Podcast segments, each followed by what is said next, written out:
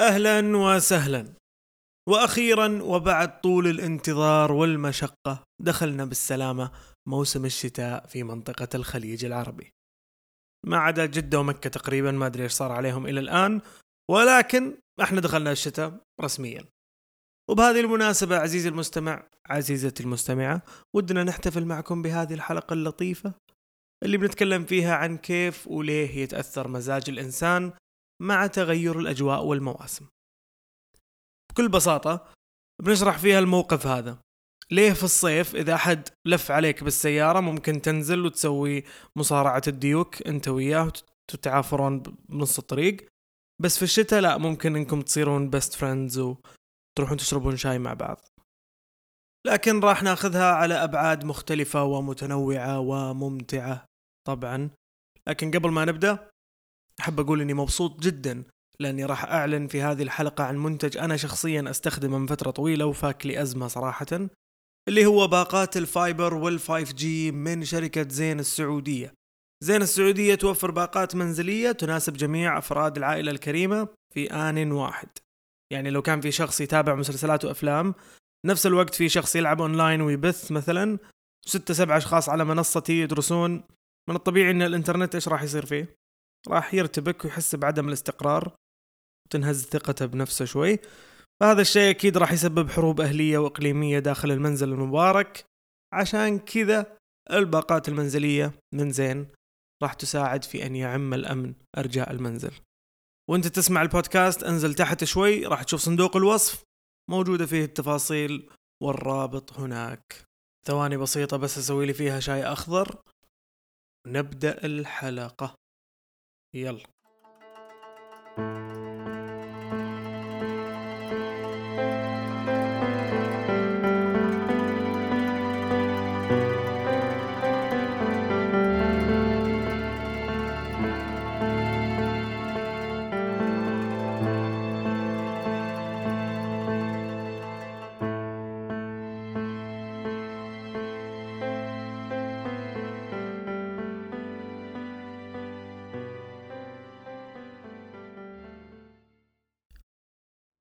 على مر السنين وإلى وقتنا هذا لاحظنا استخدام الأجواء والطقس مجازيا بشكل كبير للتعبير عن حالة معينة بالتشبيه.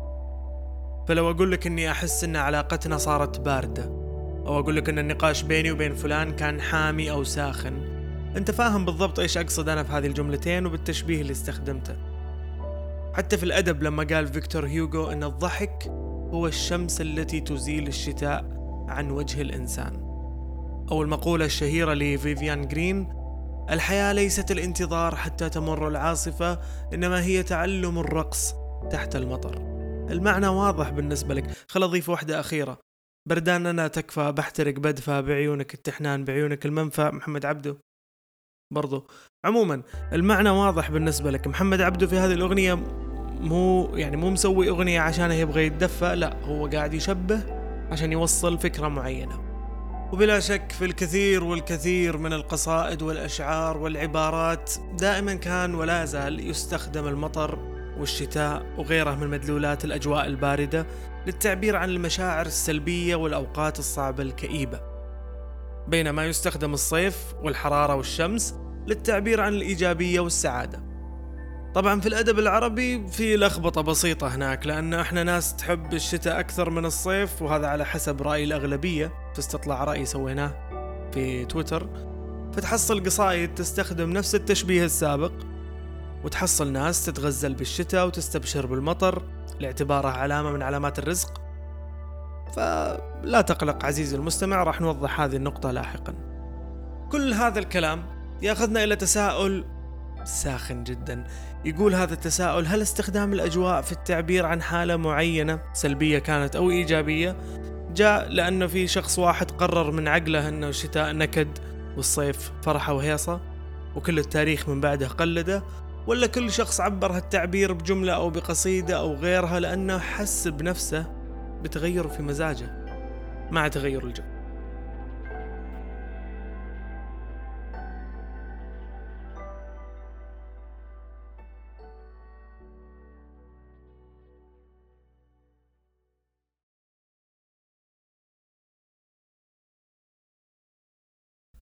أحبتي المستمعين أيها الحضور الكريم. الموضوع حقيقي ويؤثر بالفعل على الأغلبية في أقاصي هذه المعمورة.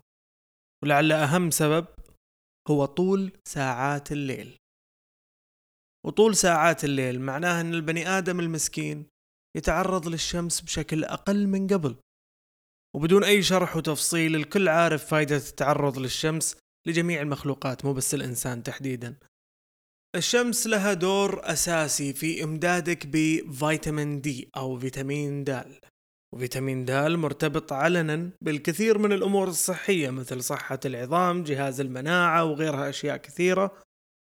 لكنه كذلك مرتبط بعلاقة سرية وغير مشروعة بالاكتئاب.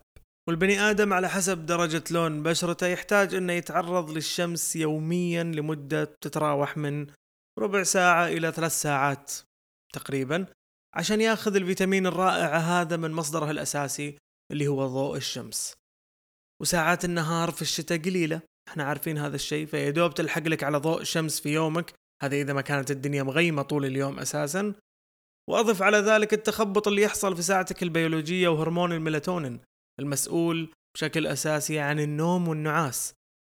ضوء الشمس اللي تتعرض له عين الإنسان في النهار وتخليه مكشر كذا يساعد على إنه يضبط لك نومك ويحفز إفراز هرمون الميلاتونين في الليل عشان تقدر تنعس وتنام نومة عميقة وجميلة.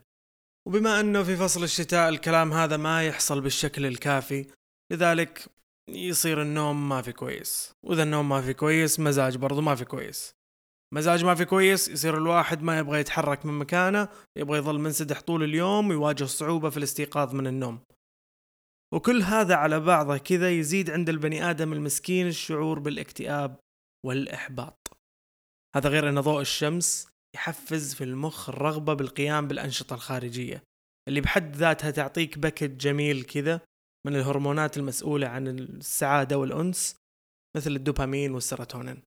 وطبعا هذا التصور عليك أنت كشخص لحالك لكن لو تفكر فيها المجتمع كامل هو عبارة عن أشخاص كثير آلاف مؤلفة زيك. إذا ما كانت ملايين برضو. كلكم متشابهين بيولوجيا وكلكم يأثر عليكم ضوء الشمس إيجابا. فتأثيرها على المجتمع لو تفكر فيه برضو يعتبر جميل. بعض الدراسات تقول أن الموظفين في المطاعم وفي المقاهي والأماكن اللي يخدمون العملاء بشكل مباشر تجيهم إكراميات أو بخشيش أو اللي يسمونها التبس في الصيف أكثر من الشتاء لأن الزباين وقتها مزاجهم حلاوة طبعا. لكن رجاء رجاء. خلي بالك إحنا هنا ما نتكلم عن الصيف اللي هو الإكستريم هيت اللي إحنا نعيش فيه. نتكلم عن الصيف اللي هي الأجواء الحارة المشمسة اللطيفة. ولازم نذكر برضو شغلة انه الكلام هذا لا يشمل البشر ككل. فالبشر عندهم شخصيات طقسية أو شخصيات جوية. المشكلة جوية معناتها في الهواء. سميها زي ما تسميها اسمها ال weather personalities في دراسة تمت على عدد بسيط نسبيا من البشر وضحت إن فيه أربع weather personalities للناس. في محبين للصيف اللي شكلوا نسبة 17% من هذه الدراسة. هم ناس حيويين وسعيدين أكثر في الأجواء الحارة من الأجواء الباردة. وغالبا هذول الناس ما عمرهم زاروا الدمام في August عشان يغيرون رأيهم ويهونون. في 27% ناس تكره الصيف. وهم ناس ينبسطون بالأجواء الشتوية الباردة ويكرهون الصيف ويكونون أكثر قلقا وعصبية فيه. زي حضراتنا إحنا يعني. وكان في 9% يكرهون المطر تحديدا.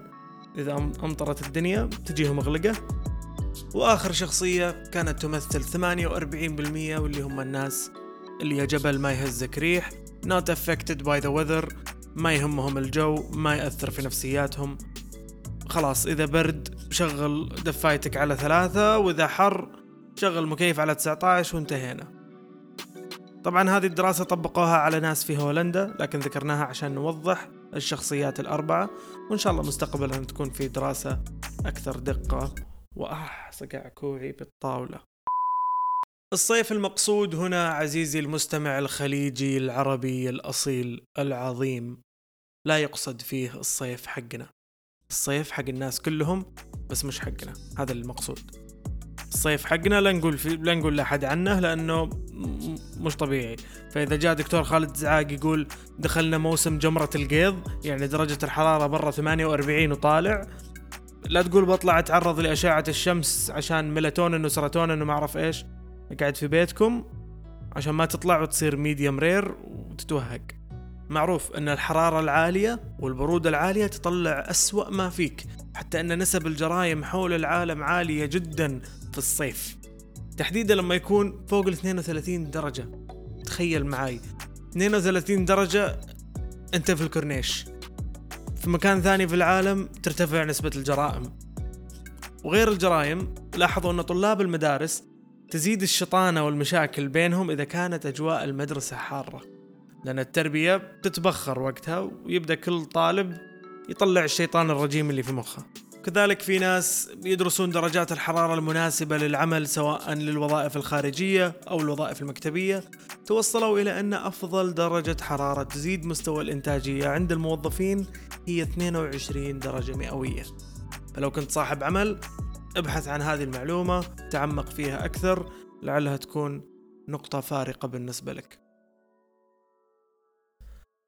المصيبة العظمى بالنسبة لي يا حبايب قلبي إن الدراسات الموجودة عن تأثير الأجواء بالمزاج كلها منطقية ما اختلفنا. بس لما تجي تقرأها بالمجتمع اللي أنت تعيش فيه تنصدم. يعني معليش أكبر دليل لعدم الاكتراث هو الفيديوهات اللي في اليوتيوب في الصيف. أغلب الترند تحصل فيه group شباب منزلين فيديو اسمه جربنا نكسر بيضة في حوش البيت ما راح تصدقون إيش صار. حبيبي ما يحتاج أصدق إيش صار. أنا عارف إيش راح يصير للبيضة و... ولك ولربعك فيعني الأفضل إنك تشيل بيضاتك الله يرضى عليك وربعك و... وتروح داخل عشان ما تدوخ. وخلاص يعني بعد كل هذه الأجيال اللي عانت من شدة الحرارة والرطوبة أعتقد صارت عندنا مناعة من الصيف ما تفرق معانا. يعني لو يدري عنك اللي قال إن الجرايم ترتفع فوق 32 درجة بيقول هذول مسوين لهم تنويم مغناطيسي أنا عن نفسي صراحة أنا ضد الصيف تماما. يا أخي في البرد تقدر تلبس قطعة قطعتين ثلاثة وتدفى. في الصيف لو تفسخ قطعة قطعتين ثلاثة تفسخ جلدك ما في فايدة. لأن الحرارة وصلت المرحلة إنها مو بس تسخن جسمك والمكان اللي حولك لا تسخن روحك وجدانك من داخل تسخنها لك. فخلنا على الشتاء الجميل خلنا نستغل الأيام القليلة السريعة والليالي الشتوية الطويلة. بالذكريات الخالدة والسوالف الخاثره ووصفات الكرك التأليفية الكثيرة. كل فترة يطلع واحد يضيف بهار جديد للكرك. بعدين يصير طعم الكرك تراب. بس نمشي الليلة لأن مزاجنا حلو في الشتاء. فعادي نشرب كرك طعم تراب.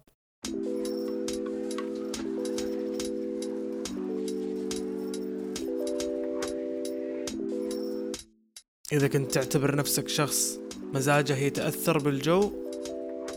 فإليك حبيبي المستمع بعض النصايح عشان تهون على نفسك شوي أثناء تغير الجو. أجمل نصيحة سمعتها هي أن الشخص يكذب على نفسه كذبة ويصدقها. يعني لو كنت تكره الصيف حاول تسوي أشياء قريبة إلى قلبك كنت تسويها في الشتاء. ما أقول لك اطلع البر بعز الحر وشب ضوء لا.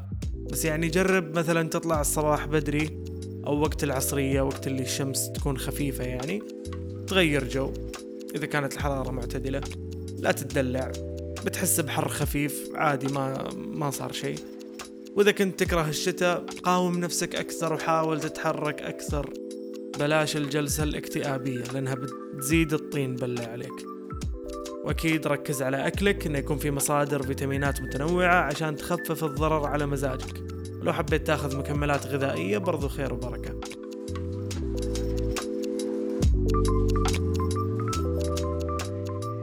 وعلى فكرة ترى أحد أسباب كرهنا للصيف وتأثرنا فيه سلبا هو الشتاء نفسه أو الجو العليل.